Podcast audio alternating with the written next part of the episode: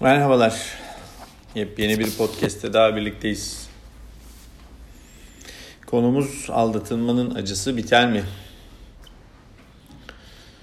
Son günlerde aldatılma nedeniyle kliniğime başvuran erkek danışanlarımda belirgin bir artış var. Yani kadınlar mı daha sık aldatmaya başladılar? Sanmıyorum. Kanımca kadınlar da erkekler de aynı sıklıkta aldatıyorlar. Ancak şunu kesinlikle söyleyebilirim ki metropollerde yaşayan erkek nüfusun psikolojik danışma ve yardım alma davranışında belirgin bir artış var. İşte bu danışanlarımdan biriydi karşımdaki ağlamaklı duran.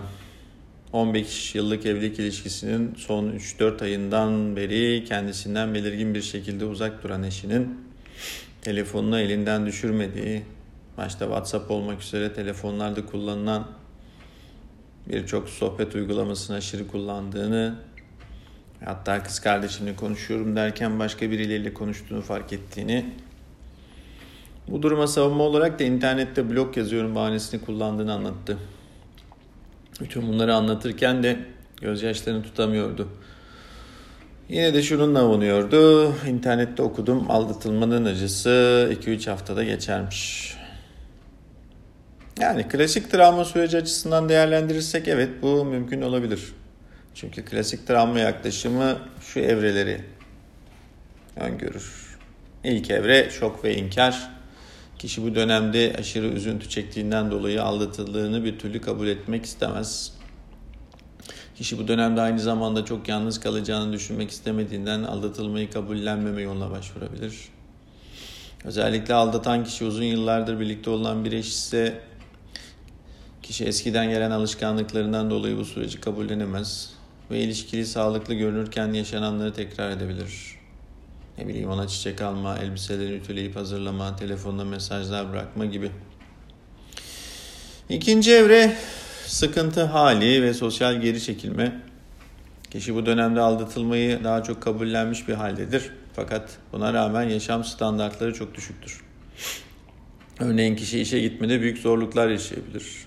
İşe gidemeyebilir. Ya da gitse de rahat ve huzurlu olamaz ve işinde verimli olamaz. Arkadaşlarıyla iletişime geçmeyi reddeder. Bazen en yakınıyla bile konuşmaktan çekinir. Kişi kendi öz bakımını bile aksatabilir. Örneğin banyo yapmak istemeyebilir. Bu durumun uzaması kişinin depresyona girme olasılığını oldukça arttırır. Üçüncü evre yeniden yapılanma aşaması.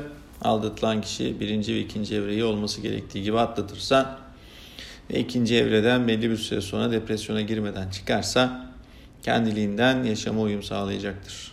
Eski hayatındaki rolleri geri dönebilecek, sosyal ilişkileri yeniden kurabilecek ve iş ya da akademik hayatına devam edebilecektir. Bırakalım klasik travma yaklaşımı bunları öngere dursun. Gerçek aslında tamamen farklıdır.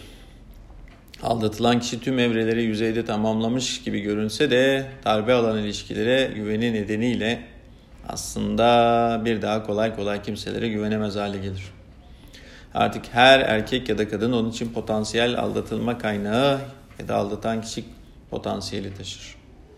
Potansiyel aldatandır artık onların hepsi. Yeni girdiği ilişkilerde uzun süre şüphecilik, güvensizlik yaşar. Gereksiz ve çoğunlukla abartılı kıskançlık nöbetlerine girebilir. Tam tersi bir şekilde kurban olma psikolojisinden kurtulmak adına partnerlerini aldatmaya başlayabilir. Çünkü aldattığı süre boyunca kendini av değil avcı gibi görecek ve bununla bulunacaktır.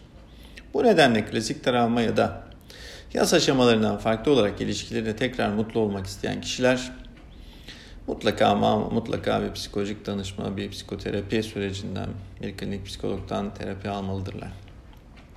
Aksi takdirde tekrar tutunamadığı ilişkiler ve bu ilişkilerin beraberinde getirdiği sosyal ve duygusal sıkıntılar nedeniyle kişiyi çok mutsuz bir yaşam bekleyebilir. O yüzden klinik katı tamlama, tanımlamaların dışında hayatı ve insanı ön plana çıkarmayı biraz da kendine ilke edinmiş bir psikolog olarak size tavsiyem.